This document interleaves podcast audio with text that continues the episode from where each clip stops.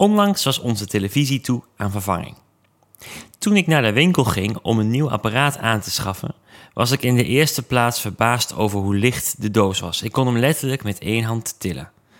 Maar de grootste verrassing kwam thuis. Ik kon me namelijk van het oude toestel, en die was echt oud, nog herinneren dat het best ingewikkeld was om alle zenders te vinden. Laat staan ze een beetje in de goede volgorde te krijgen. Maar hoe anders is dat nu? Ik sloot het toestel aan, beantwoordde met de afstandsbediening een paar vragen en een kop koffie later had het apparaat alles zelf ingesteld. Ik houd er erg van als iets simpel kan. Hoe handig zou het zijn als het in het geloof ook zo zou werken? Dat we simpel zouden weten wat we moesten doen in ons leven als we ons in een ingewikkelde situatie bevinden. Ik denk dat het ook wel een beetje kan. Nee, het lukt niet altijd om de ingewikkelde vraagstukken van het leven te versimpelen, maar we kunnen ons omgaan met dergelijke situaties wel versimpelen. Het is net een beetje als bij de tv. Het is dezelfde kabel, hetzelfde netwerk waardoor de tv de zenders binnenkrijgt, maar voor mij als gebruiker is het wat simpeler geworden.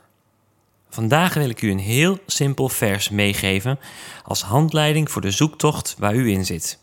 En daarvoor neem ik u mee naar Romeinen 12, een hoofdstuk waarin Paulus ons diepe inzichten geeft over het leven naar Gods wil. In vers 12 van het hoofdstuk zegt hij heel krachtig: Wees verheugd door de hoop die u hebt, wees standvastig wanneer u tegenspoed ondervindt en bid onophoudelijk. Een bevriende aanbiddingsleider wees me op deze tekst en gaf aan dat deze drieslag van lofprijzing, vertrouwen op God en volharden in gebed bijvoorbeeld ook te vinden is in het leven van Daniel. Toen donkere wolken zich samenspanden rond zijn geloof en het Daniel eigenlijk verboden werd om te bidden. We lezen dan dat hij zich in zijn huis terugtrekt om te bidden en God te prijzen, zoals hij dat altijd drie keer per dag deed. Hij liet zich dus niet bang maken en bleef vertrouwen op God. En dat vertrouwen was veel groter dan de angst. En hij bleef prijzen en bidden. De oproep van Paulus is er dus niet zomaar eentje. Het lijkt me een goddelijke raad voor ons allemaal. Heel simpel.